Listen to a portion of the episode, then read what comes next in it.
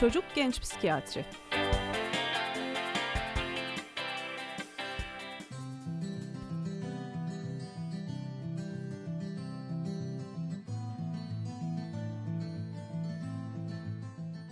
Trakya Üniversitesi Radyosu Radyo Güne Bakan'dan tüm dinleyicilerimize merhaba diyerek Çocuk Genç Psikiyatri programının üçüncüsüne başlıyoruz. Ben sunucunuz Doktor Öğretim Üyesi Başar Hatırnaz. Program yapımcımız Trakya Üniversitesi Tıp Fakültesi Çocuk ve Ergen Ruh Sağlığı ve Hastalıkları Anabilim Dalı Başkanı Profesör Doktor Sayın Işık Görker ve yine aynı anabilim dalından Doktor Öğretim Üyesi Leyla Bozatlı bizlerle birlikte olacak. Bugünkü programımızın konusu çocuk ve oyun. Çocuk ve oyun ebeveyn el kitabında yer alan bilgileri sizlerle paylaşacağız. Çocuk ve oyun arasında sağlıklı bir ilişki nasıl kurulmalı? Ebeveyn olarak çocuklarımıza oyunla ilişkilerini kurarken ne tür sınırlar koymalıyız? Günümüz internet ve dijital çağında tablet, bilgisayar, televizyon ve telefon gibi cihazları ne zaman, ne kadar ve nasıl kullanmaları gerektiği, bunların avantajları ve dezavantajları nelerdir gibi sorulara cevap arayacağız. Programımıza soru ve önerilerinizle katkıda bulunmak isterseniz bize çocukgençpsikiyatri.trakya.edu.tr adresinden ulaşabilirsiniz. E-posta adresimizi tekrar ediyorum. Türkçe karakter kullanmadan çocuk genç psikiyatri et trakya.edu.tr Programımıza başlamadan önce bir iki kısa açıklama daha yapmak istiyorum. Ondan sonra programımıza çocuk ve oyun konusuyla devam edeceğiz. Programlarımızda yayınlamış olduğumuz içerikler şu anda sizin çocuklarınızın yaş grubuyla ilgili olmayabilir.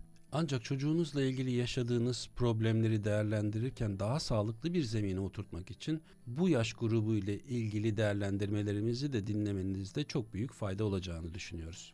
Bu arada programımızı 106.2 FM bandından dinleyemeyen dinleyicilerimiz için Programın tekrarını Trakya Üniversitesi Radyosu Radyo Güne Bakanı'nın Spotify hesabı üzerinden de dinleyebilirsiniz. Ayrıca Trakya Üniversitesi Tıp Fakültesi Çocuk ve Ergen Ruh Sağlığı ve Hastalıkları Anabilim Dalı Başkanlığı'nın web sayfasında da yine programımızı istediğiniz zaman dinleme şansına sahip olacaksınız. Program yapımcımız Trakya Üniversitesi Tıp Fakültesi Çocuk ve Ergen Ruh Sağlığı ve Hastalıkları Anabilim Dalı Başkanı Profesör Doktor Sayın Işık Görker ve yine aynı ana bilim dalından doktor öğretim üyesi Leyla Bozatlı bizlerle birlikte. Işık Hocam ve Leyla Hocam Radyo Güne Bakan stüdyolarına hoş geldiniz. Teşekkür ediyoruz. Teşekkür ederiz, hoş bulduk. Programımızın başında bahsetmiştik. Bugünkü programımızın konusu çocuk ve oyun. Dilerseniz öncelikle oyun kavramını birazcık açalım. Oyun ne demek? Oyun derken neyi kastediyoruz? Ondan sonra da çocukla oyun arasındaki ilişki nasıldır? Oyunların çocuklara kazandırdığı avantajlar nelerdir? Varsa dezavantajları nelerdir? Bunlardan bahsederek başlayalım. Teşekkür ederiz. Bugünkü konumuz çocuk ve oyun. Çünkü oyun çocuğun gelişiminde kendi duygularını, düşüncelerini ifade etmede, kendi kaygılarını, problemlerini ifade etmede özellikle belirli yaşlarda çok önemli bir kavram. Çocuk için iletişim kurma, keşif yapma, kendini anlatma aracı oyun. Biz özellikle belirli çağa zaten oyun çağı deriz. Oyun çağı ki iki buçuk üç yaşlarından beş yaşına kadar hatta altı yaşlarına kadar giden bir dönemdir. Anaokuluna başlayana kadar hatta okula başlayana kadar çocukların sözel ifadeleri gelişimsel özelliklerine bakıldığında kısıtlıdır. Evet her şeyin isimlerini bilirler, anlatırlar, konuşurlar. Ancak duyguları ifade etmek, düşünceleri ifade etmek pardon çocuklar için zordur. Ancak bunu oyunla çok güzel ifade ederler. Yani hangi ortam içerisinde olduklarını, neler hissettiklerini, eğer kaygıları varsa o kaygılarının ne olduğu gibi çok çeşitli özellikleri barındırır oyun. Dolayısıyla oyun aslında insanların gelişiminde çocuklukla başlayan çok önemli bir aktivitedir. İnsanların gelişimi için, olumlu yönde gelişimleri için çok önemli bir süreçtir, önemli bir kavramdır. Çocuklarda değişik yaşlardaki oyun ve ilgi alanları onların büyüme ve gelişmelerini yansıtmaktadır. Biraz sonra biraz daha ayrıntılı olarak belirteceğimiz gibi her yaş grubunda oyunlar farklıdır, seçilen objeler farklıdır veya obje dışında karşılıklılığı e, yansıtan oyunlarda çok farklılıklar göstermektedir. Oyun çocuğun özgürce duygularını, düşüncelerini yansıttığı, sanki öyleymiş gibi yaparak aslında gerçek yaşamı yansıtan bir aktivitedir. Ancak gerçek yaşamdan ayrılan kendine ait mekanı vardır, zaman vardır, kurallar vardır. Bu gerçekten biraz farklıdır ama öyleymiş gibi yaşanır. Tabii ki çocukların oyunları ailenin yaşam biçimiyle, yaşadıkları ortam ve kültürle de yakından ilişkilidir beklendiği gibi. Biraz önce söylediğim gibi duyguları, kaygıları, çatışmaları da yansıtan bir araç oyun. Çünkü oyunda deneyimler tekrarlanır. Yapılanlar sürekli tekrar edilir. Çevreyle ilgili birçok kişi ve olay taklit edilir. Dolayısıyla aslında çocuğun iç dünyası ile dış dünyası arasında uyumu sağlayan çok önemli bir aktivite oyun. Kendisini dış dünyaya uyum sağlamasında, adapte etmesinde sürekli tekrarlayarak, deneyimler kazanarak, hatta karşılaştığı sorunlarla baş etmeyi de bir şekilde kendi kendine veya oynadığı kişilerle yaşayarak öğrenen bir çocuk olur oyun oynayan çocuk. Kendi duygularıyla yüzleşir, e, sorunları ile ilgili güçlükleri fark eder, onlarıyla baş etmeye çalışır. Bazen baş edemez ama şu bir gerçek ki rahatlar çocuk. Bunları yaparak rahatlar çünkü bu aktivite onun kendisiyle yüzleşmesini sağlayan, aynı zamanda da bedenini kullanarak, hem beynini hem bedenini kullanarak çok önemli bir aktivite olarak karşımızda bizim kullandığımız tedavilerde de bazen kullanmak durumunda kaldığımız bir süreçtir oyun. Dolayısıyla yaratıcılığı beklerken oyunda aynı zamanda da çocuğun rahatladığını bilmeliyiz. Yani yaratıcılık olduğu kadar oyunda çocuğun gelişimsel özelliklerine göre yaşamak durumunda kaldığı duygusal ifadeleri ve davranışlarını yansıtan bir süreç olduğunu söylemek istiyorum. Peki hocam, burada oyuncakları ayrı bir kategoride değerlendiriyoruz. Bir de herhangi bir şekilde oyuncak olmaksızın ebeveynlerle çocukların oynadığı oyunlar var. Oyuncaklarla oynanan oyunlarda özellikle çok küçük yaşlarda oyuncak tercihi genellikle ebeveynlerin tercihine kalıyor. Burada kimi zaman geçmiş kuşaklardan aktarılan deneyimlerle oyuncak alınıyor ya da günümüz teknolojisine göre geliştirilen yeni oyuncaklar çocuklara satın alınıyor. Buna göre ebeveynler oyuncak satın alırken ne tür kriterlere dikkat etmesi gerekiyor? Oyun için aslında belirli bir isim söylemeye, obje ismi söylemeye gerek yok. Çocuğun seçtiği her obje oyun olabilir. Çocuğun kendi seçimiyle başlattığı bir oyun hangi obje ise o o bir oyun niteliği kazanabilir. Örneğin, ev içerisinde herhangi ev bir şey. içerisinde herhangi bir şey. Hı hı. Tabii ki şimdi aslında bu konuya girmemiz çok önemli ki sıfır yaştan itibaren girmemiz gerekiyor yeni doğan itibariyle. Burada bazı oyun özellikleri, bazı obje seçimlerinin ebeveynler tarafından yapılıyor olması çocuğun gelişiminde yani uyaran almasında, kendisini ifade etmesinde, hatta belli bir dönem sonra konuşmasında çok önemli faktörler. Ama çok sınırlayıcı, sadece ebeveyni seçmesiyle sadece olması gereken şeklinde bir oyun objesi seçmeyi önermiyoruz. Yani elinizdeki imkanlara göre birçok obje oyun olarak kullanılabilir. Bu hem spontan olarak şekillenmelidir hem de çocuğun belli gelişimsel özelliklerini ebeveynler öğrenmelidirler ki gelişimlerinin daha sağlıklı olması için bu oyun seçimini kullanabilsinler. Ben şimdi Leyla'ya sözü vermek isterim. Yeni doğan itibarıyla artık çocuk dünyaya gelmiş ve artık e, keşfetmeye başladığı bir sürece zaten başlamıştır. Neler seçebiliriz, neler kullanabiliriz? Evet Leyla seni dinliyoruz. Evet merhabalar herkese. Ben de oyuna girmeden önce daha doğrusu bebeklerin oyun şekli ve oyuncak kullanımına girmeden önce neden bu konuyu seçtik? Biraz o konuda bilgi vermek istiyorum. Oyun aslında günümüzde birazcık öneminin çok da fark edilmediğini düşünebiliriz hayatın temposu hızlandıkça çocuklar okullara gitmeye, ebeveynler işlerine gidip yorgun bir şekilde eve geldikçe oyun oynama bazen ihmal edilebiliyor. Sadece ders sorumluluklar, iş, güç gibi konular daha ön plana çıkabiliyor. Oysa ki her yaşta oyun çok önemli.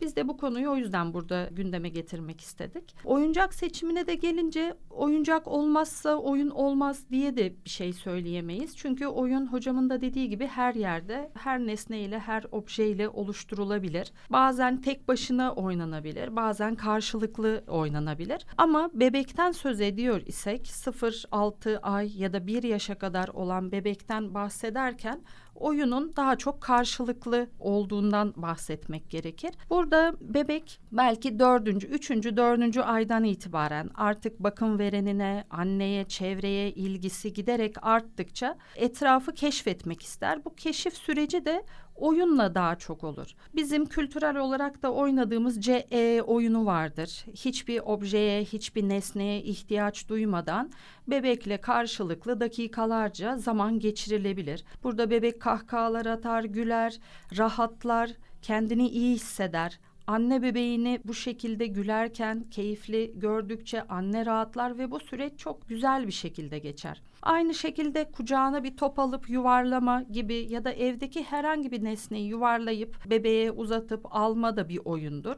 Her zaman oyun için nasıl oynamalıyım, hangi oyuncağı seçmeliyim, ne almalıyım gibi düşünmeden elimizdeki objeyi e, çok güzel bir oyuna dönüştürebiliriz aslında. Diğer taraftan bu aylarda göz kontağını da çok önemsiyoruz. Bu CE oyununda da sürekli bebeğin gözüne baktığımız için göz kontağını da geliştirmiş oluyoruz. Çocuk göz kontağı arttıkça, etrafı izledikçe öğreniyor, taklit etmeyi geliştiriyor ve bu şekilde büyüyerek oyunlar da çeşitleniyor. Peki Leyla Hocam bu gruptaki çocuklar için ya da bebekler için oyun süresi ne olmalı? Bir kısıtlılık, bir sınırlılık var mı? Oyun süresine gelince aslında 0-6 ay bebek ya da 1 yaşa kadar olan e, bebeklerden bahsederken net bir süre veremeyiz. Çünkü uyanık olduğu saatlerin tamamı aslında çocuk için bir oyundur, bir keşiftir, etrafı bir izlemedir, bir çevresiyle ilişki kurma şeklidir. Uyanık olduğu saatlerin aslında tamamına bir oyun diyebiliriz. Burada anne diyelim ki mutfakta yemek yapıyor ve 9 aylık bir bebeği var. Yanına götürüp çekmecedeki bebeğe zarar vermeyecek olan en basit mutfak aletlerini bile kepçe, tahta kaşık gibi onları onun önüne vererek bir oyun kurabilir ve bütün günü aslında oyun oynayarak geçirilebilir. Bir taraftan yemeğini yaparken bir taraftan da çocuğunun önündeki oyuncaklara da dokunarak aslında hem onunla oynamış olur hem de kendi işini yapmış olur. Ama karşılıklı oyunlar da önemli. Çocuğunu karşısına alıp bir yaşa doğru geldiğimizde artık daha çok taklitler gündeme gelir. Burada hayvan seslerini yavaş yavaş çocuklar çıkartmaya başlarlar. Hayvan sesleri olabilir, işte mama, baba gibi bir yaş civarında civarında bu heceleri, kelimeleri duymaya başlıyoruz. Bunları söyleyerek de oyunlar oluşturulabilir. Yani süre olarak net bir süre vermeden aslında bütün gün çocuğun zamanı oyunla geçiyor diyebiliriz aslında çocuğun keyif aldığı, bir şeyler ürettiği, gelişimine olumlu etkileri olacak beceriler kazandığı her anı oyun olarak nitelendirebiliriz. Bahsettiğiniz oyunlar belki kutu oyunları, biraz daha kurallı oyunlar olunduğunda ve çocuk birazcık daha büyüdüğünde başka sorumluluklar da gündeme geldiğinde o sorumlulukların önüne geçerse orada biraz o sınırlara müdahale etmek gerekebilir. Tam da Ama onun dışında sınırsız oyun, bol bol oyun her çocuğun yapması gereken tek şey. Ama dediğim gibi yaş büyüdükçe, okul zamanı geldikçe bu sefer dersler, farklı sorumluluklar, evin içinde ufak tefek yardımlaşmalar, aileye küçük küçük yardımları olabiliyor çocukların gene yaşına göre. Orada o oyuna belki sınır koyabiliriz. Ben burada araya girebilir miyim Leyla? Bu bir yaşa kadar olan dönemde aslında hani her obje oyun olabilir derken seçtiğimiz Leyla'nın da aslında sözünü ettiği bazı oyuncaklar var. Çıngıraklı oyuncaklar, hı hı. eliyle tutabileceği oyuncaklar. Çünkü el parmaklarını kullanabilir ve ses duyacağı, göreceği yani o görsel ve işitsel uyaranları da sağlayacak oyuncaklar. Bu oyuncaklar aynı zamanda motor becerilerini de özellikle el becerilerini, ince motor, kaba motor yavaş yavaş bunları geliştirmesini sağlayan oyuncaklar. O nedenle öneriyoruz. Hani onu da bir hani seçimde neler gereklidir diye sormuştunuz. Hı hı. Araya girerek onu da ifade etmek istedim.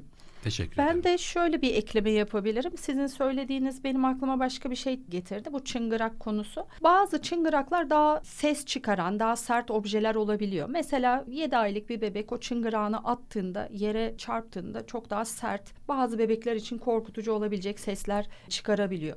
Bu bile o çocuk için aslında bir keşiftir. O çıngırak ilk düştüğünde çocuk bir irkilir, korkabilir o gelen sesten ama tekrar o çıngırağı alıp yere atmak ister. Onu tekrar deneyimlemek ister. Yere attığında bir taraftan hem gözlerini kırpıştırıp kendini böyle savunma pozisyonuna getirip onun düşmesini bekler ve o sesi duyar. Bir taraftan da duygularını kontrol etmeyi de öğrenmiş olur. O korktuğu nesnenin aslında çok da korkulacak bir durum olmadığını deneyimlemiş olur. Hani çıngırak hem eğlenceli bir obje olarak kullanılırken bir taraftan da bu gibi duyguları deneyimlemesine de katkı sağlayabiliyor. Peki hocam burada belki önümüzdeki programlarda bu konuyu konuşacağız tabii ki ama ayrı bir program konusu olarak bebeklerin beslenmesinde özellikle beslenmenin oyunlaştırılması gibi bir durum sorun yaratır mı?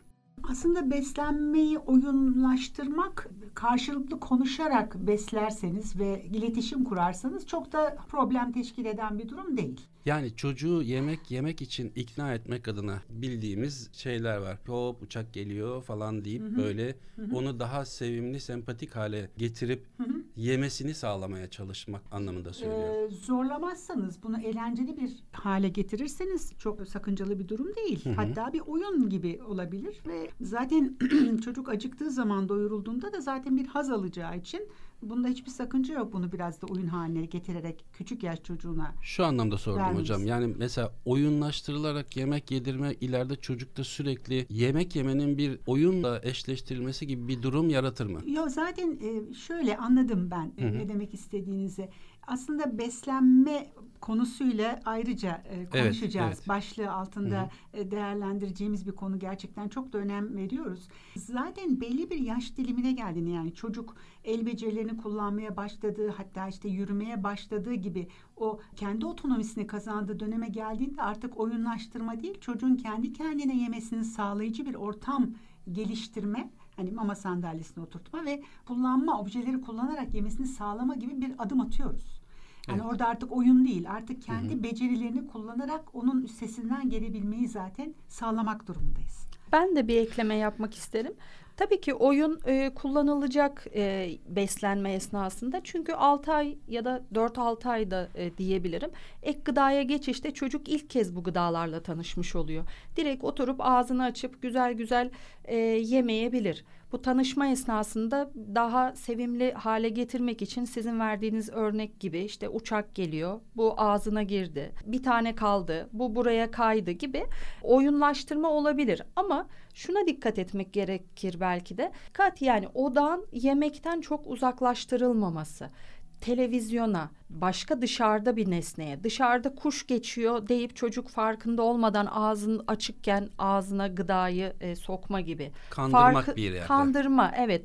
Farkında olmadan sadece mideyi doldurmak olmasın. Çünkü çocuk orada doyduğunu fark etmiyor. Çünkü o da dışarıdaki kuşta veya televizyonda veya önüne bizim istemediğimiz her fırsatta dile getirdiğimiz tablette, telefonda. Hı hı. O zaman aslında çocuk ne yediğini, ne kadar yediğini, doyup doymadığını çok da fark etmiyor. Bunlardan her zaman kaçınmalıyız. Ama ilk konuşmamızın bir adım öncesinde bahsettiğimiz gıdayı da oyunun iç, içine katarak yaptığımız oyunlar tabii ki çocuğun beslenmesini de daha keyifli hale getirecektir. Kendisi iki elini alıp bir elindekini sonra diğer elindeki aldığı ufak yutabileceği, elin ağzına götürebileceği gıdaları bir anne ağzına atar, bir çocuk kendi ağzına atar gibi. Yani o yemeği, beslenmeyi bu şekilde oyunlaştırırsak o çok da keyifli olur. Sanırım bir yaş dönemini bitirdik böylece. Evet ne çocuk bir, evet bitirdik diyebiliriz. Aklımıza ilk olarak daha belirgin olarak gelenler bunlar. Biraz daha büyüdüğünde çocuk artık yürüyor, bazı kelimeleri, cümleleri kurmaya başlamış oluyor. O zaman da sembolik oyun dediğimiz bir oyun dönemine gelmiş oluyoruz. Yani mış gibi oyunlar, misafircilik, tamircilik, otoparkçılık gibi oyunlar gündeme geliyor ve bunlar da çoğunlukla tek başına değil de artık e, anneyle, babayla, evde kardeş varsa diğer kardeşlerle, arkadaşlarla oynanabilecek oyunlar. Paylaşımın da çok önemli olduğu oyunlar. Bu yaş grubunda artık bu tip oyunların bol bol oynanmasını dediğim gibi paylaşımı da arttıracağı için beklemeyi, e, sabretmeyi, kendisi bir şeyler üretip bir şeyler hazırlamayı da destekleyeceği için bu tip oyunların bol bol oynanabileceğini söyleyebiliriz. Peki Işık Hocam bu yaşlarda kız çocuğu ya da erkek çocuğu oyunu diye bir ayrıma gitmek gerekir mi? Gereklilikten çok bu bir zaten kendiliğinden spontan olarak geliştirilen bir durum diye düşünüyorum. Kız çocuklarının seçimleri daha çok bebeklere yönelik, onları giydirmek, onların saçlarını taramak, onları işte evcilikte anne rolünü üstlenmek, erkek çocuklarda daha çok arabayı sürmek ya da bir evciliğe katacaksak da baba rolünü üstlenmesi gibi bir cinsiyet belirlemesinde bir yönlendirme yapılabilir tabii ki. Bu bir zorlama değildir. Bu spontan olarak çocuğun daha ileride kız çocuğunun ve erkek çocuğunun kendi cinsiyle özdeşleşmesini ve bir cinsel kimlik kazanmasını sağlayıcı yönlendirmelerdir. Bunun yanı sıra Leyla'ya katkıda bulunmak isterim. Özellikle iki yaşta çocukta artık bilişsel gelişim e, özellikleri de kattığımız zaman artık bütünün parçalarını ayırma, işte kutuyu doldurup boşaltma, kule köprü yapma gibi durumları artık çocuk yapabilir. Ve burada yine el kaslarını geliştirirsiniz. Aynı zamanda iki yaşla birlikte taklit etmelerle birlikte sözel gelişimin de olduğunu artık beklediğimiz için yani çocuk artık konuşabilir hale en azından iki kelimelik cümleler kurabilir hale geldiği için tabii ki akranları varsa yani karşılaştırabileceğimiz akranları varsa onlarla da yavaş yavaş karşılıklı oyunlar oynamasını sağlayıcı veya ikisinin bir arada olup belli bir oyunu paylaşma şeklinde gidebilecekleri bir aktiviteye de yönlendirme şansımız varsa iyi olur. Teşekkür ederim hocam. Peki 4-5 yaş grubuna geldiğimizde oyunların kuralları ve içeriklerinde nasıl bir değişim meydana geliyor? Evet biraz daha büyüdü çocuğumuz diyelim ki 4-5 yaşlarına geldi. Oyunların içeriği, kuralları biraz daha detaylanmış oluyor artık bu yaşlarda. Kutu oyunları artık başlayabiliyor. Daha basit komutlu oyunlar, kutu oyunları daha detaylı senaryolu, mışlı oyunlar gene oynanabiliyor. Burada artık kurallar başladığında çocuklar bazen o kuralların kurallara uymak istemeyebiliyorlar veya yenildiklerini, kaybettiklerini kabul etmek istemeyebiliyorlar. Bu konu üzerinde annelerin bol bol anne babaların veya evde büyük ebeveynler varsa onların bol bol oyun oynayıp bu oyunlarda sabırla bazen onların yenmelerine fırsat verip bazen yenilgiyi de yaşatmaları gerekiyor ki bu duyguya alışsınlar. Sürekli kazanamayacaklarını aslında bu 4-5 yaşlarında daha deneyimleme fırsatlarını bulsunlar. Bu dönemde artık daha uzun cümleler kurabildikleri için dikkat süreleri 2-3 yaşa göre biraz daha uzadığı için artık kitap okumalar başlayabilir. Resimli kitaplardan onların hikayeler anlatmalarını isteyebiliriz. Diğer taraftan da bazen çok ilgili ebeveynlerin gün içinde sürekli çocuklarıyla oyun oynadıklarını gözlemliyoruz. Bazen de biz bırakın kendisi oynasın, birazcık tek başına da kalsın, yalnız başına oyun kurmayı öğrensin. Çünkü çocuğun da buna ihtiyacı var deriz. Hem aileleriyle, arkadaşlarıyla oyun oynarken diğer taraftan da yalnız kalabilme, tek başına oyun kurabilmeyi de deneyimleyebildiği bir yaş dönemidir 4-5 yaşları.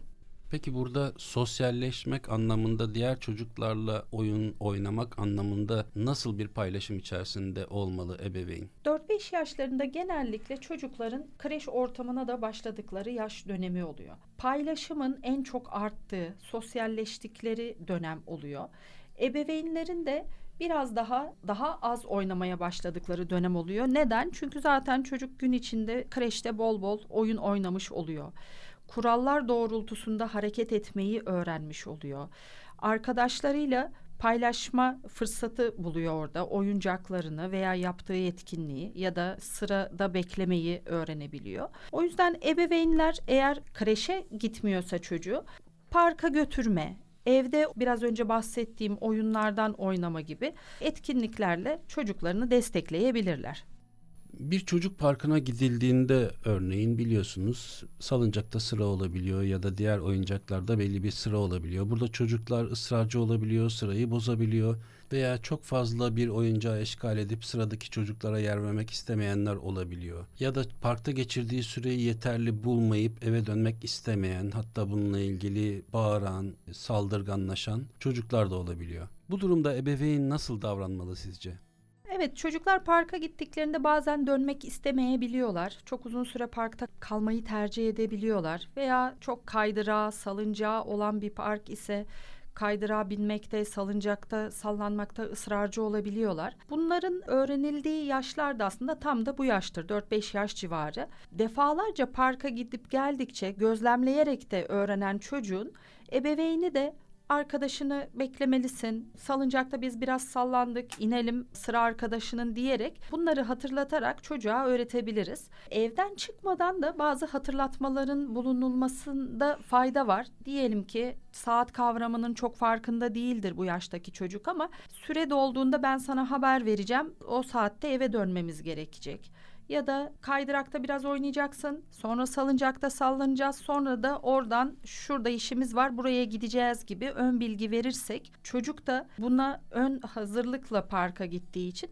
daha kolay uyum sağlayacaktır. Bütün bunlara rağmen annelerin uyarılarına, ön bilgi verilmesine rağmen parktan dönmek istemiyor. Annenin kolundan çekerek, kendini yere atarak tepki gösterip eve dönmeye itiraz ediyorsa çocuk ve anne anne diyorum genellikle daha çok parka galiba anneler götürüyor.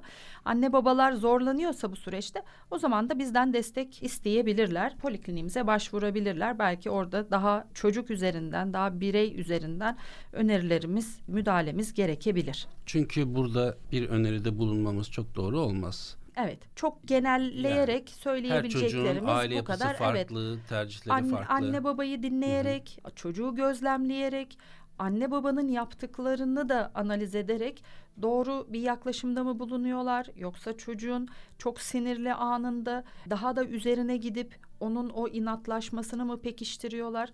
Onu orada o aileyle konuşarak direkt o çocuk üzerinden bu sorunu çözmemiz daha uygun olur. Peki hazır dış mekanda oyundan ve kreş çağındaki çocukların birbirleriyle oyunlarından ve paylaşımlarından bahsetmişken çocukların ortak olarak kreşte kullandıkları oyuncakların dışında bireysel olarak sahip oldukları oyuncakların paylaşımı ile ilgili bazen bazı çocuklar paylaşmak istemiyor. Bazı çocuklar daha paylaşımcı olabiliyor. Paylaştığı zaman geri alamayabiliyor gibi birçok şey ortaya çıkıyor. Bazen de ebeveynler çocuklarının onayı olmaksızın oyuncaklarını başka bir çocuğa verebiliyor. Bu da doğal olarak çoğunlukla sorun yaratıyor tabii ki. Bu tür durumlarla ilgili neler söylemek istersiniz? Çocuğun paylaşımcı olması ya da olmaması normal midir? Ya da ebeveyn çocuğun oyuncağını paylaşması noktasında nasıl davranmalı? Burada da çok kesin hatları olan bir cevabım olamayacak. Çünkü neden? Çocuk bazen gerçekten yeni olan bir oyuncağını paylaşmak istemeyebilir. O anda sadece paylaşmak istemediyse anne baba zorlamamalı. Arkadaşı çocuğun elindeki oyuncağı talep ediyorsa, almak istiyorsa anne orada çok da zorlamamalı. Ama evde bu konu gündeme getirildiğinde paylaşmanın öneminden, kendisi de başka arkadaşının elindeki oyuncağı sevdiğinde bunu isteyebileceğinden, başka zaman belki arkadaşı istediğinde bu oyuncağını paylaşmasının iyi bir fikir olabileceğinden bahsedebilir. Ama o ortamda çocuğun elinden oyuncağı alıp arkadaşın istiyor bak ağlıyor deyip kendi çocuğunun elinden oyuncağı alıp diğer çocuğa vermek bazen belki doğru olmayabilir. Orada çocuk o anda belki paylaşmak istemeyebilir. Ama tabii ki paylaşım çok önemli, çok güzel bir konu. Onu evde her zaman anne babalar gündeme getirmeli. Dışarıda olan fark ettikleri bu durumları evde konuşulmasının daha uygun olacağını düşünüyorum. Ben burada bir ekleme daha yapabilirim. Aslında sosyalleşme sürecinde bu söylediğiniz konu çok önemli. Yani çocuğun sosyalleşmesi akran ilişkileriyle başlıyor. Yani evden bir başka ilişkiye giriyor. İşte o sosyalleşme süreci içerisinde ne kadar akran ilişkisini kurabilirse ki orada her zaman olumlu bir ilişki kurmayabilir. Olumsuzluklarla baş etmek durumunda kalabilir. İşte bu süreç e, istediğimiz gibi giderse gelişimsel özelliklerine göre orada artık paylaşmalar yavaş yavaş gelişmeye başlıyor. Çocuğun tabii ki kendisine ait olan şeyi paylaşmak istemeyebilme hakkı da var. Ama sosyalleşme o paylaşımları kendiliğinden getirebiliyor. O sınırı da koyabiliyor. Dolayısıyla ebeveynlerin aslında burada en önemli görevi çocuğun e, belli bir yaş dilimine girdiğinde artık o akran ilişkilerini sağlamaları çocuklarıyla yalnız bırakmamaları, çocuğun insansız kalmaması ya da ilişkisiz kalmaması, jestleri, mimikleri, konuşmaların hepsini akranlarıyla da paylaşabilme becerisini gösterebilmesi. Teşekkür ederiz hocam. Dilerseniz 5-8 yaş aralığındaki çocukların oyunla ilişkisi ne düzeydedir? Bu yaş grubunda nelere dikkat etmeliyiz? Bu konunun detaylarına girelim.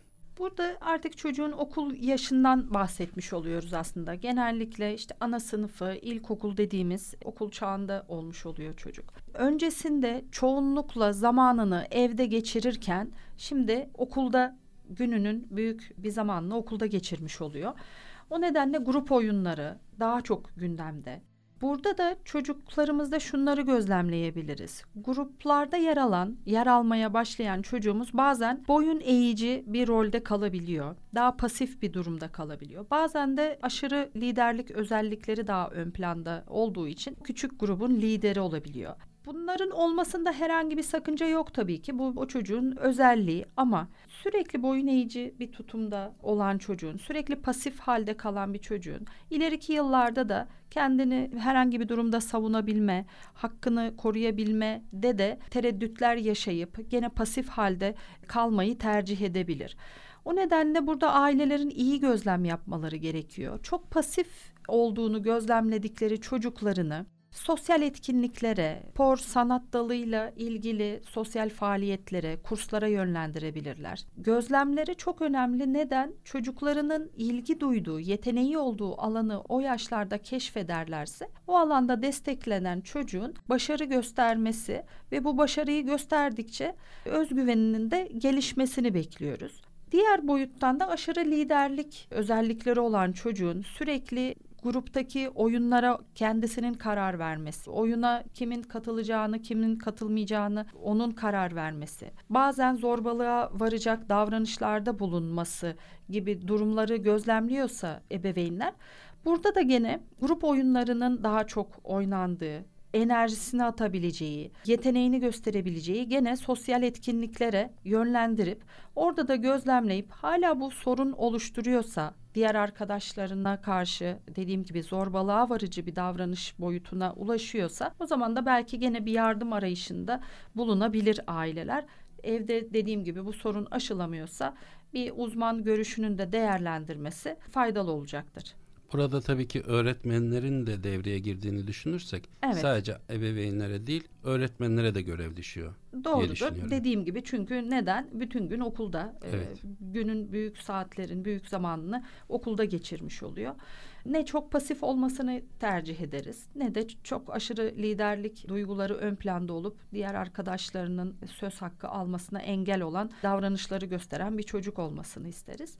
Ama dediğim gibi bu özellikler sorun oluşturmuyorsa o zaman bazen çocuklar daha pasif olabiliyor. Bazıları daha hareketli, daha dürtüsel olabiliyor. Dediğim gibi sınırlar net değil burada ama sorun oluşturduğunu fark ettiğimizde o zaman bir uzman görüşüne başvurulabilir. Toplum içinde kurallara uymak elbette ki çok önemli. Saygılı bir birey olmak çok önemli. Ama saygılı olmakla haklarını savunamamak ya da pasif olmak başka bir şey. Belki evet, bununla alakalı çocuklarla o yaş grubunun anlayacağı şekilde saygının ne demek olduğunu, kuralların ne demek olduğunu, hakkını savunmanın ne demek olduğunu da anlatmamız gerekir diye düşünüyorum. Evet, çok çok doğru. Galiba ergenlik dönemine yaklaşıyoruz. Ergenlik dönemi aslında ergenlik öncesi ve ergenlik dönemiyle ilgili herhalde ayrı bir konuşma konumuz olduğu için daha ayrıntılı evet. konuşacağımızı düşünüyorum. Ama burada bazı şeyler söylememiz gerekiyor. Çünkü o yaş grubunun da oyunu çok önemli. Hatta bunu bahsederken belki bu dönemi anlatacağımız programla ilgili de ipuçları verebiliriz dinleyicilerimize. Evet, evet, evet, evet tabii ki. Şimdi bu dönem aslında kimlik gelişiminin başladığı, yani çocuğun artık kimliğini, kişiliğini oluşturma sürecinin başladığı bir dönem. Tabii ki hem sosyalleşmesi adına çok önemli oyun ama bir taraftan da çocuğun aslında kendi bedensel değişikliklerinin de hormonal değişikliklerinin de için içinde olduğu. Dolayısıyla iç dünyasındaki o karmaşayla birlikte sosyalizasyonun birlikte gitmesi gereken yani erişkinliğe adım attığı ama bir türlü erişkin olamadığı çocukla ilişkin arasında çok önemli bir geçiş dönemi, ergenlik dönemi. Burada tabii ki oyunda artık karşılıklılık ve ekip olmak, ekibin içinde olmak, ekibin bir parçası olmak çok önemli çocuğun kendisinin özgüveninin daha artması ve o ekibin bir parçası olduğunu hissetmesi açısından. Bildiğimiz gibi voleybol e, gibi, e, basketbol gibi takım oyunları, Satranç gibi bilişsel fonksiyonlarında geliştirici ve yine karşılıklılığı olan oyunlar tercih edilebilir. Oyun kurallarını belirlerken karşılıklı anlaşmalar çocukların sosyal gelişimlerine çok yardımcı olur. İç denetimleri artar çocukların ve çocukken bu ben merkezcilik dediğimiz yani daha kendine dönüklükten artık yavaş yavaş duruma göre karar verme, işte dürtülerini kontrol edebilme, karşısındakini bekleyebilme, kendi sırasını bekleyebilme gibi çok önemli özellikleri kazanmaya başlar. Bu dönemin bazı özellikleri var. Yine ergenlikte daha ayrıntılı olarak sizinle paylaşacağız. Biraz daha acımasız olur bu grup e, çocukları. Biraz daha eleştirilere daha fazla maruz kalabilirler, dışlanabilirler belli kuralların dışına çıkamayabilirler. Dolayısıyla karşılaştıkları problemleri ebeveynlerin daha yargılamadan dinlemeleri çocuklarını bu konuyla ilgili olarak hatta kendi tecrübelerini, kendi geçmişlerinde yaşadıkları belki hatırlamayabilirler ama bunu kurgu da yapabilirler. Sonuçta paylaşmak bir yerde kendisini de aktarmaktır. Kendi tecrübelerini aktarmaları çok yardımcı olacaktır. Sorunları daha çok ebeveynlerin kendisinin değil, çocuklarının yani ergen bireylerin çözmesini beklemeleri çok büyük esas aslında. Sadece bu konuda yardımcı olmalarını bekleriz. Çünkü kendileri çözerse ergenler işte o kişilik kazanmasında, kimlik kazanmasında çok önemli bir roldür bu.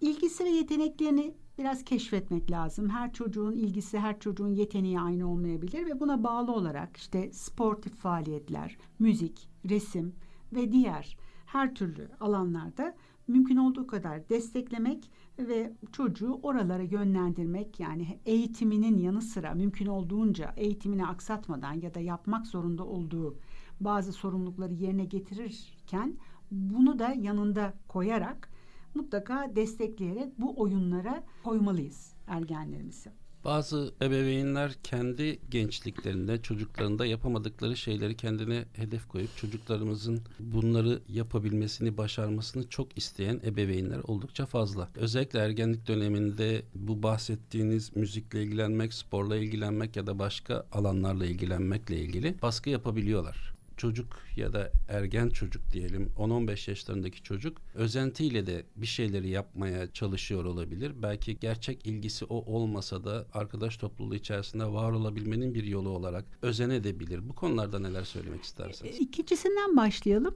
Özenmek güzel bir şey. Özenerek yapmaya çalışmak iki sonucu getirir. Devam eder ve bundan çok büyük bir haz duyar veya yapamaz. Ama bunu kendisini yaşayarak görmesi zaten bir deneyimdir. Yani bunu ona bırakmak, o fırsatı vermek aslında çok önemli. Bu ikincisi olumlu bir özellik, özenmesi.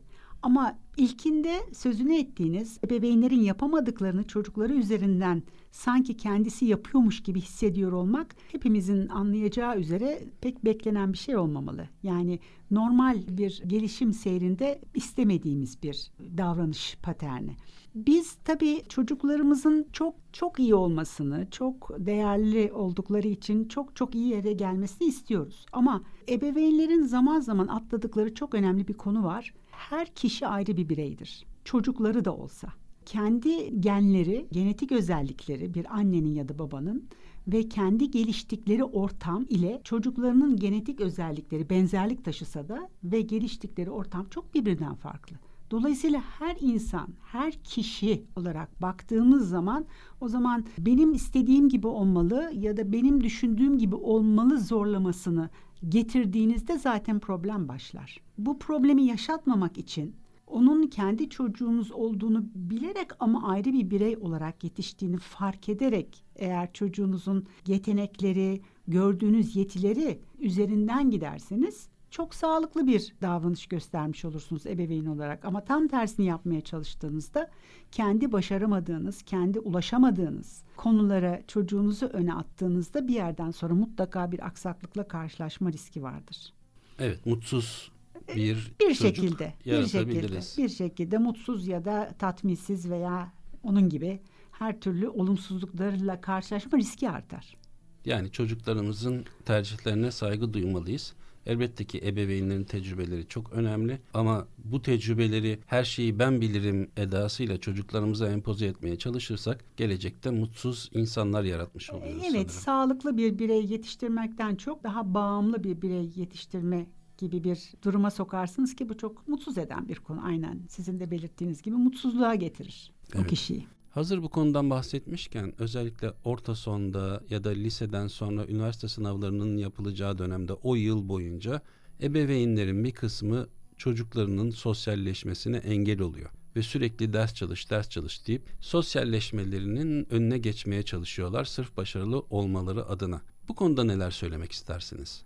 Sınav tabii çok önemli. E, çocuklar için de çok önemli. Kaygıyı arttırıyor. Ama biz bu aktiviteleri aslında kaygıyı azaltması için, çocukların daha e, kendilerini iyi hissetmeleri için, özgüvenlerinin artması için bedenlerini kullanarak aynı zamanda beyinlerini de aynı şekilde kullanarak birçok oyunda daha sağlıklı olmaları için öneriyoruz. Dolayısıyla sınav yılı ya da sınav olmayan yıl gibi bir ayrım olmadan bu aktivitelere olabildiğince bir program dahilinde devam etmelerini öneriyoruz. Sınav yılı diye bu sosyal faaliyetlerini çocuklarından almamalarını öneriyoruz. Yani bir makineyi bile sürekli çalıştırırsanız bir süre sonra arıza veriyor. Evet, evet. Olarak. Mola ister.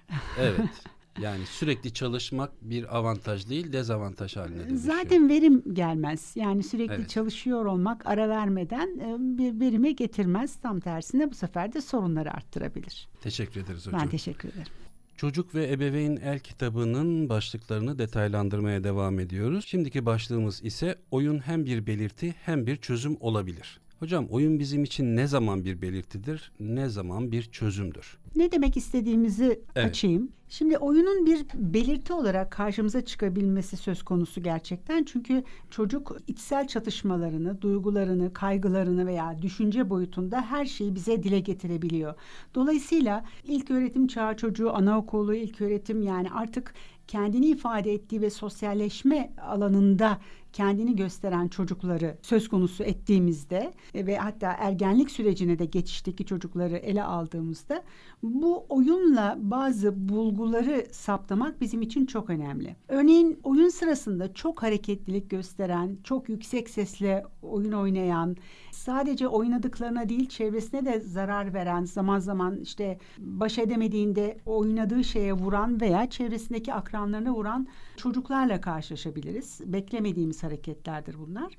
Bu dürtüsellik yani dürtüleri kontrol edememe, bu öfke ve saldırganlığın oyunla ifade edilebilmesi için bizim önerilerimiz olabilir. Örneğin bazı kum oyunları, oyun hamuru gibi yani bilirsiniz plajlarda böyle ıslatırsınız kumları ve o kumlardan çok güzel e, birlikte çok güzel şekiller oluşturabilirsiniz. Bunu plajda olmayabilirsiniz. Bunu hı hı. evde kendinize bir leğende ya da bir ortam içerisinde yapabilirsiniz. Veya oyun hamurundan çeşitli şekiller oluşturabilirsiniz. Bir yaratıcılık e, geliştirebilirsiniz. Bunlar aslında o öfkeyi, o dürtüselliği tamamen bedene, el üzerinden oynadığınız kum gibi, oyun gibi şekil veren yerlere döküyor olmak aslında o enerjiyi boşaltır ve çok da güzel e, bir çocuğa yaratıcılık da kazandırabilir. Hocam burada bir araya girmek istiyorum. Buradaki bu davranışların sebebini çocukta mı aramalıyız yoksa ebeveynlerin yetiştirme tarzına mı bağlamalıyız?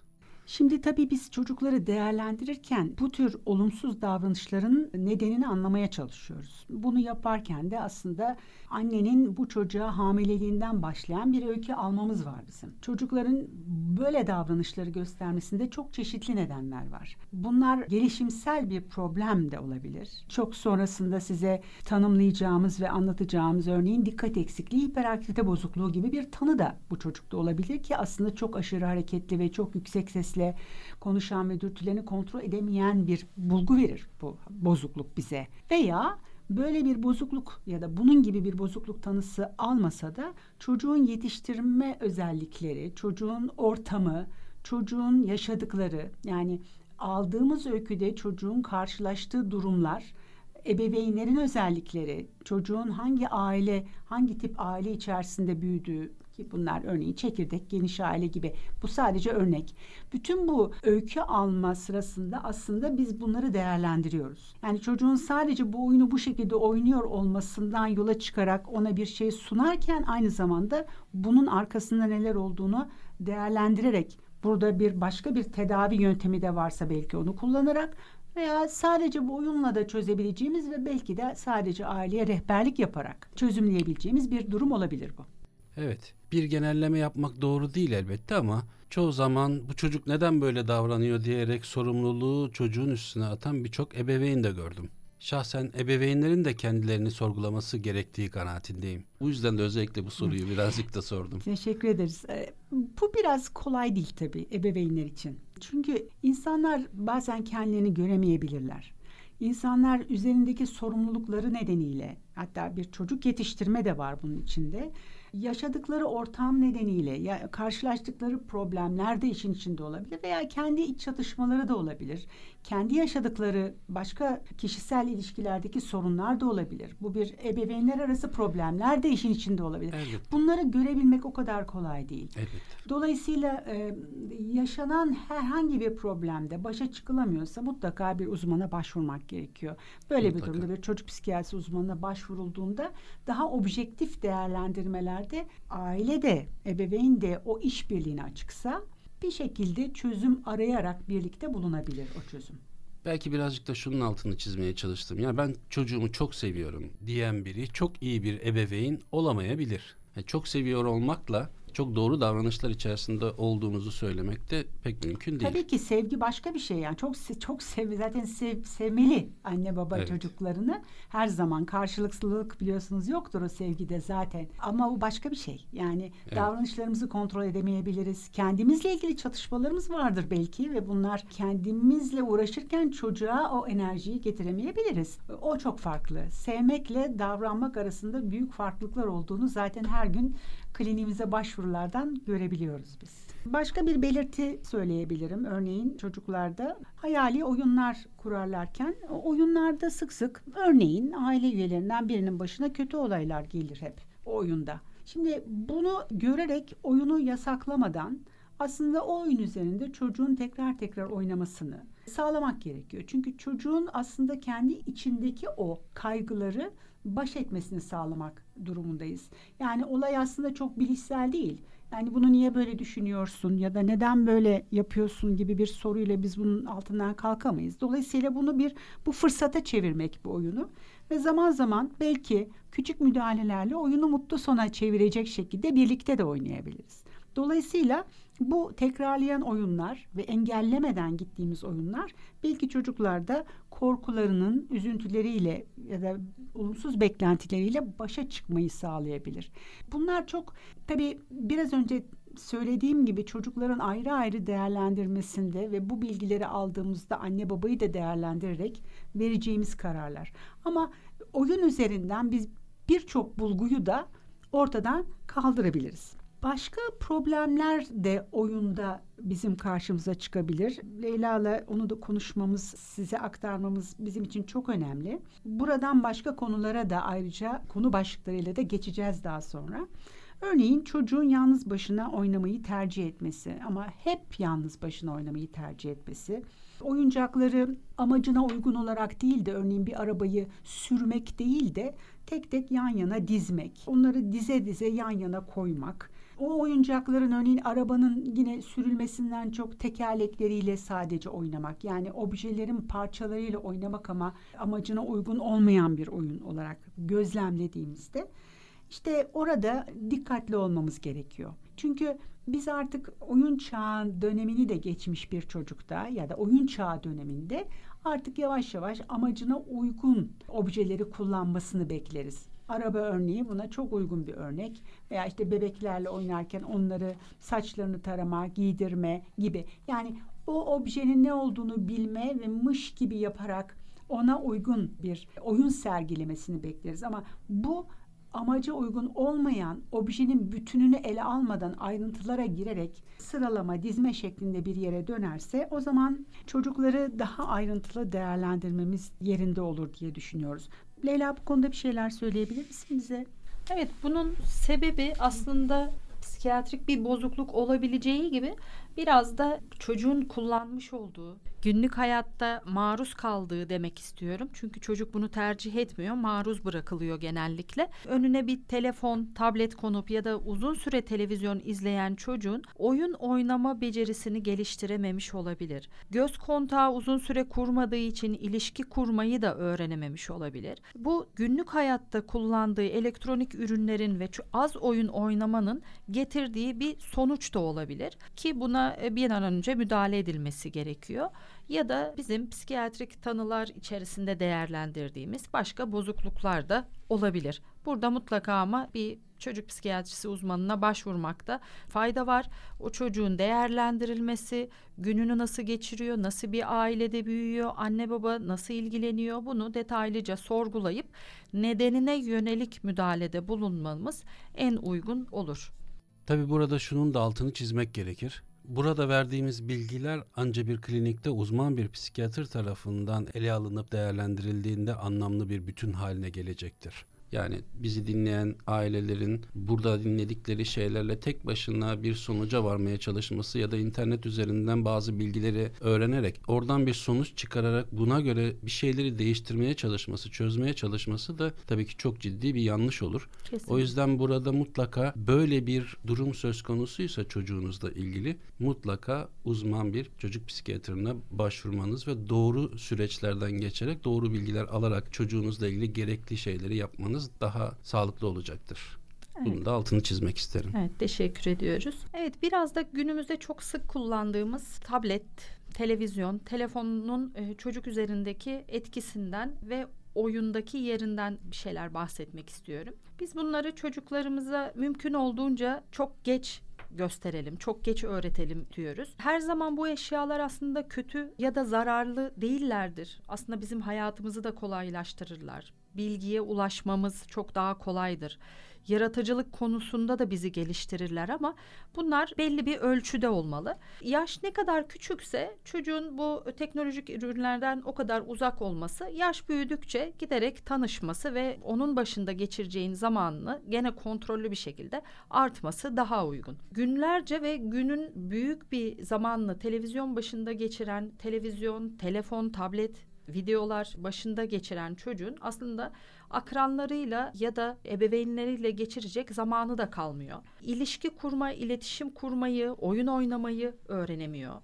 Genellikle bunu ev içinde yaptığı için dışarı çıkıp dışarıda oynayabileceği oyunları oynama zamanı da kalmıyor. Daha az hareket etmiş oluyor çocuk. Yazın dışarı çıkıp güneşten D vitamini almak yerine bütün gün evde bilgisayarda oyun oynayabiliyor çocuklar çünkü. Yemek yemeyle başlayıp yemek yerken anne öncelikle tableti gösteriyor ama bu günün çok büyük bir kısmına yayılabiliyor sonra. Giyinirken, tuvaletini yaparken her zaman televizyon veya tableti izlemek isteyebiliyor çocuk. Bu onun dil gelişimine de gene olumsuz etkiliyor. Baba, mama diyen çocuk çok uzun süre ekran başında kaldığında giderek bu kelimeleri de söyleyemeyip tamamen konuşma gelişimi durup ekranı izleyen, göz kontağı kurmayan bir çocuk haline de gelebiliyor. O yüzden televizyonla, ekranla mümkün olduğunca olabildiğince geç tanışmalarını öneriyoruz. Tanıştılarsa, evde bu ürünleri kullanıyorlarsa onların gün içinde kullanım saatlerini sınırlandırmalıyız. Ne kadar az ekrana maruz kalırlarsa o kadar çok oyun oynayabilir, resim yapabilir ve sizinle vakit geçirebilirler. Bir diğer konu da rol model olmalıyız aslında. Çocuğumuza bilgisayarı kapat, tableti elinden bırak deyip bir seçenek sunmazsak, ona bir oyun önerisinde bulunmazsak, biz telefonumuzu alıp elimizde telefonla veya bilgisayar başına geçersek verdiğimiz mesajlar da çok uygun olmaz. Son olarak bahsetmek istediğim bir iki konu daha var. Bir, oyun her yerde aslında. Oyun için planlamaya çok ihtiyaç duymayabiliriz. Herhangi bir oyuncağa, objeye ihtiyaç duymayabiliriz. Benim dikkatimi çeken bir konu var mesela son zamanlarda, son yıllarda. Yolculuğa çıkıldığında çocuğa küçük de olsa, büyük de olsa, ergen de olsa eline telefon, tablet verilir ki uzun yolda 5 saat, 6 saat, 10 saatlik yolda çocuk ağlamadan, anne babaya sorular sormadan veya huysuzlanmadan bu yolculuğu rahat geçirebilsinler. Oysa ki etrafı izleyerek yapılan yolculukta çocuk hiç görmediği yerleri görme fırsatını yakalamış oluyor. Araba içinde de oyun oynama şansı çocuğun elinden alınmış oluyor. Çünkü araba içinde de aslında giderken gene oyun oynanabilir. Geçen arabalar sayılabilir, farklı araba renkleri tutulup bu arabalar dediğim gibi sayılabilir. Araba içindeki kişi sayısıyla rakamlar üzerinden oyun oynanabilir. Belli bir harf belirlenip bu harfle başlayan nesneler, meyveler, sebzeler, şehirler gibi oyunlar kurulabilir, şarkı söylenebilir gibi oyunlar oynanabilecekken yolculukların birçoğunda aslında artık elektronik ürünler diyeceğim. Hani sadece telefon olmayabiliyor. Kullanılıyor. Hani bunlar yerine sohbet ederek, şarkı söyleyerek, oyun oynayarak yolculuk yapmanın çok daha anı biriktirici, eğitici, keyifli olduğunu düşünüyorum ve şiddetle öneriyorum. Aslında biz çocuklara uzun yolda diyelim ki eline tablet verdik, telefon verdik ve biz o an için sorunu çözmüş gibi görünsek de aslında tabletler üzerinde oynanan oyunlar gerçek zamanlı oyunlar olmadığı için çocukların zaman algısını da sorunlu bir hale getiriyor. Mesela bir oyuna girip de bir jimnastik oyununda jimnastikçinin üzerini giydirip bir yarışmaya katılıp iki dakika içerisinde beş dakika içerisinde de birinci, ikinci, üçüncü olması gibi bir hedefe doğru koşuyor çocuk iki parmağının arasındaki belirlediği dokunduğu tuşlarla bir anda çok başarılı olabiliyor. Ya da bir yemek yapmak, pasta yapmak gibi birçok çocukların oynayabileceği oyunlar var. Bu oyunları oynadıkça aslında gerçek zamanla algısı farklılaşıyor ve ondan sonra aslında o zaman içerisindeki o yolculuktaki sabırsızlığı tetikleyen şeylerden bir tanesi de bu oyunların kendisi. Dolayısıyla siz orada bir şeyleri rahatlatmaya çalışırken bir yandan o çocuğun huysuzlanma süresini de daha fazla kısaltmış oluyoruz diye düşünüyorum. Evet kesinlikle çünkü şöyle de şikayetleri çok sık duyuyoruz. Beş dakika daha oynayacağım deyip bu zamanı çok yönetememe ve ekranın başına oturup saatlerce zaman geçirdikten sonra aa ben üç saattir oynuyor muyum? İşte iki saat mi oldu? Daha ben yarım saat oldu diye düşünüyorum gibi.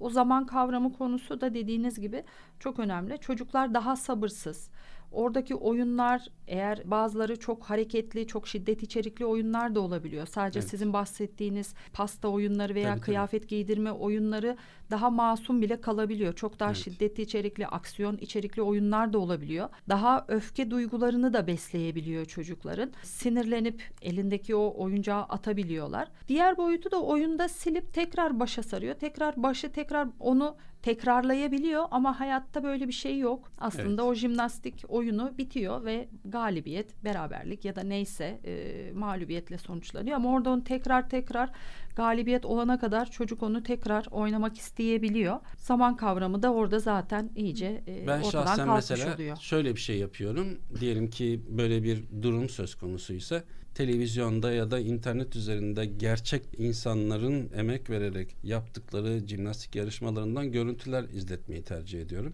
Ve orada başarılı olanlar var, olmayanlar var. Bunların ısınmaları, çalışmaları ne kadar küçük yaştan beri başlayarak buna çok ciddi yıllarca emek verdiklerini göstermek de gerekiyor diye düşünüyorum.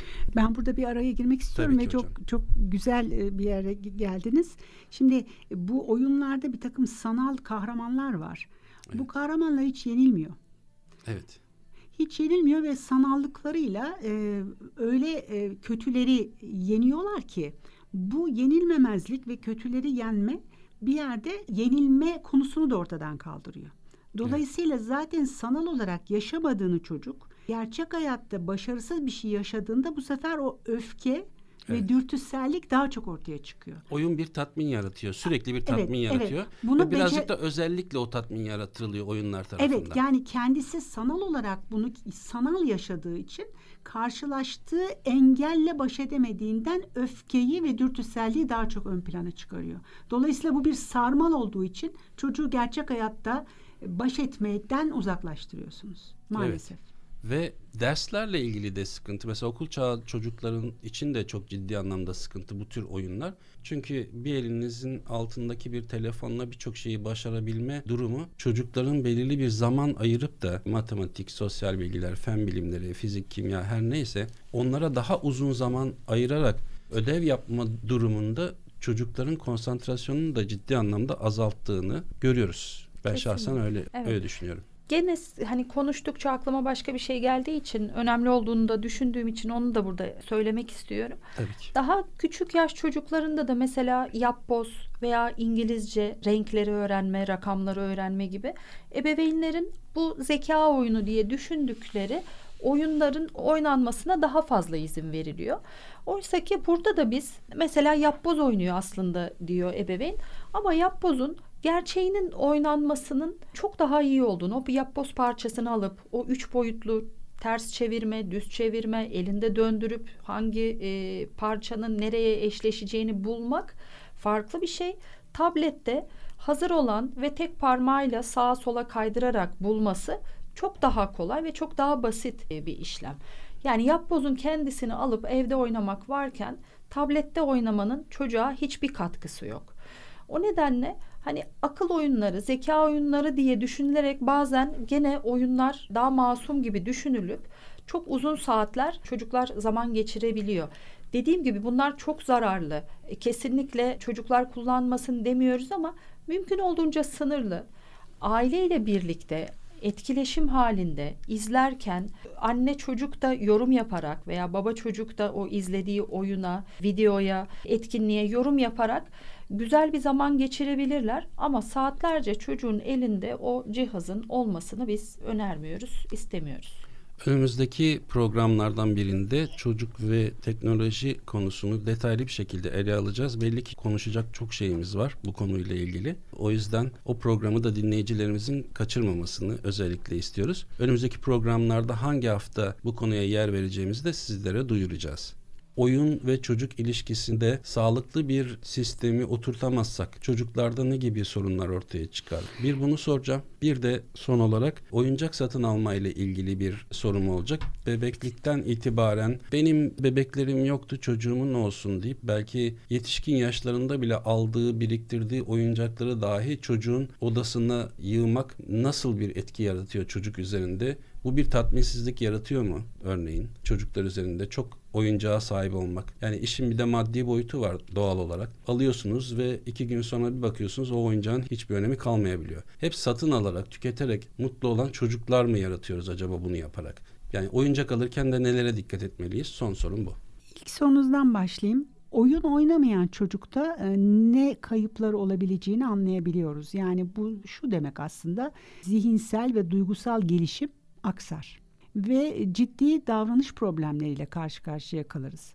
Buradan baktığımızda aslında top, toplumu daha sağlıklı kılmak adına oyun çok önemli. Yani ki biz çocuktan bahsediyoruz ama iyi oyun oynayamayan ya da kendisini özgürce ifade edemeyen bir çocuk ilerinin erişkini oluyor.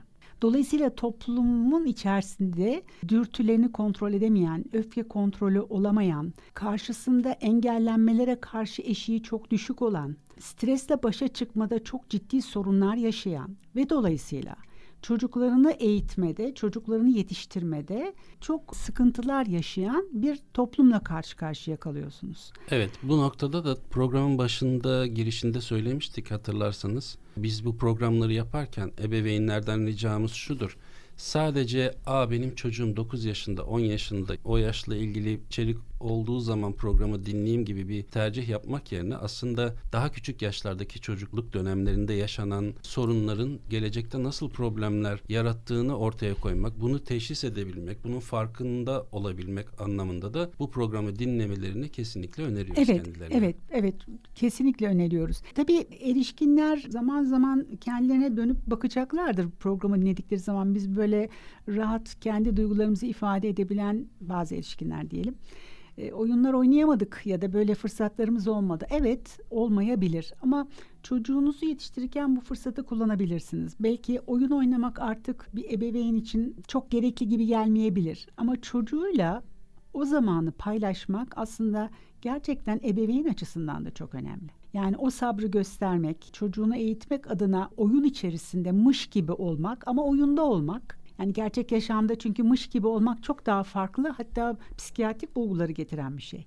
Ama oyunda onu yaşıyor olmak da aslında erişkinler için de çok önemli bir deneyimdir.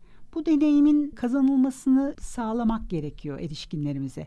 Bu sabrı göstermelerini ben talep ediyorum onlardan. Başka türlü çünkü çocukları daha sağlıklı yetiştirmek maalesef kolay olmayacak.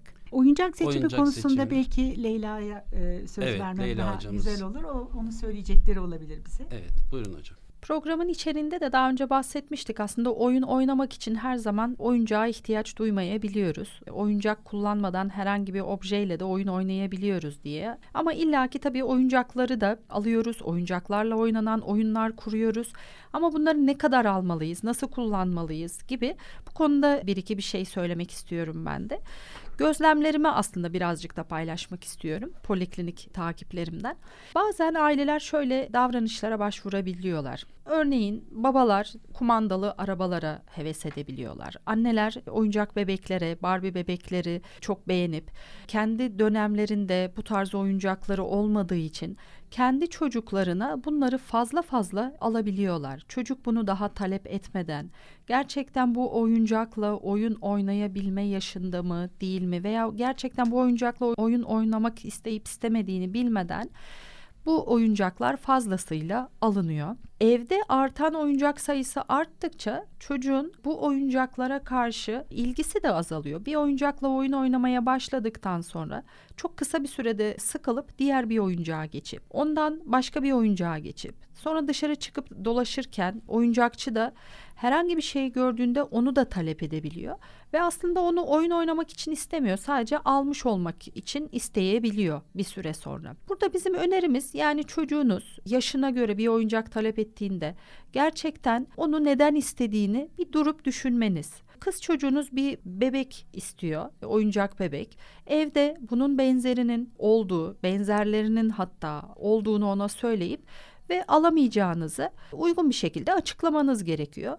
Çocuklar genellikle hayır cevabına çok kolay tamam peki diye cevap vermezler. Genelde biraz ağlarlar veya hırçınlaşabilirler. Bu durumda da anne babalar hemen kıyamayıp tamam deyip çocukların isteklerini yerine getirebiliyorlar. Evde fazla oyuncağı olan ailelere de şöyle bir önerim olabilir. Onları sırayla çocuğunuzun oynayacağı şekilde belli kutulara, belli sepetlere, çekmecelere kaldırarak çocuğunuzun odasını sadeleştirmelerini öneririm.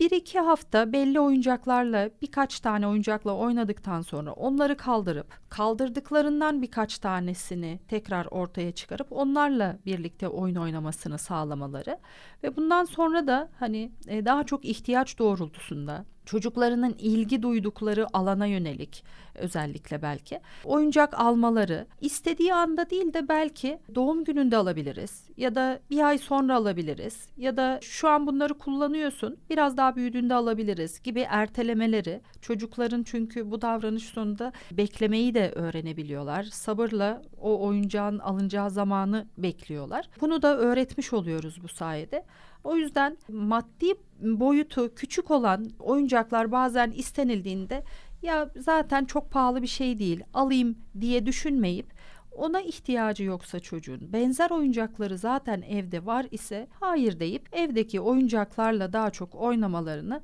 teşvik edebilirler. Çok teşekkürler hocam. Ve bu açıklamalarla birlikte programımızın sonuna geldik. Çok teşekkür ederim bu fırsatı bize verdiğiniz için. Oyun bizim Biz için çok hocam. e, önemli bir kavram ve bunu da sizinle paylaşmak ve ebeveynlerimize sunuyor olmak bizi mutlu etti bugün sayenizde. E, Ben sözümüzü e, bitirmeden önce kitapçıklarımız üzerinden biraz detaylandırarak biz bu konuyu size sunduk. Bu kitapçığımızı düzenlemede bize çok yardımcı olan zamanın asistanımız şimdi uzman doktor olan Cansu Uğurtay'a çok teşekkür etmek istiyorum. Bir de Oyuncak ve Çocuk isimli bir kitap önerisinde de bulunabilirim. Çok değerli arkadaşım psikolog Füsun Aygül'ü ve Didem Evre tarafından yazılmış olan bu kitapta hem oyuncağın tarihçesi hem oyunun anlamının ne olduğu ve oyuncak seçimleriyle ilgili yaşlara göre özellikleri de içinde barındıran Hatta ebeveynlerin ve bu konuda uzmanların da görüşlerinin olduğu çok değerli bir kitap. Eğer bulabilirlerse bu kitaptan da faydalanabilirler. Yazarın ve kitabın adını tekrar alabilir miyiz hocam? Oyuncak ve Çocuk kitabın ismi. Yazarları Füsun Aygölü ve Didem Evre. Teşekkür ederim. Biz teşekkür ederiz hocam. Önümüzdeki hafta programımızda hangi konuya yer vereceğimizi de dilerseniz dinleyicilerimize iletelim. Önümüzdeki hafta bugün biraz sözünü ettiğimiz beslenme konusunu ele almamızın uygun olacağını düşünüyoruz. Sıfır yaş itibariyle yine başlayan ve tüm yaş dilimlerinde çok önemli bir konu olarak değerlendirdiğimiz yaşa özgü beslenme özellikleri ve aynı zamanda da bu özelliklerde konusuna ettiğimiz bazı olumsuz davranışların nasıl aslında bozukluklara da yol açabileceğine kadar giden bir konudur bu. Bu konuyu biraz toparlayarak, özet haline getirmeye çalışarak sizinle paylaşmak istiyoruz. Beslenme adı altında bir konumuz olacak önümüzdeki konuşmamızın konusu. Ve bu bilgilendirme ile birlikte bir programımızın daha sonuna geldik. Trakya Üniversitesi Tıp Fakültesi Çocuk ve Ergen Ruh Sağlığı ve Hastalıklar Anabilim Dalı Başkanı Profesör Doktor Sayın Işık Görker ve yine aynı anabilim dalından doktor öğretim üyesi Leyla Bozatlı ile birlikte çocuk ve oyun konusunu konuştuk. Çok teşekkür ediyoruz verdiğiniz değerli bilgiler için. Biz teşekkür ederiz. Biz teşekkür ediyoruz. Ben sunucunuz doktor öğretim üyesi Başar Hatırnaz. Bir sonraki programda buluşuncaya dek hoşçakalın.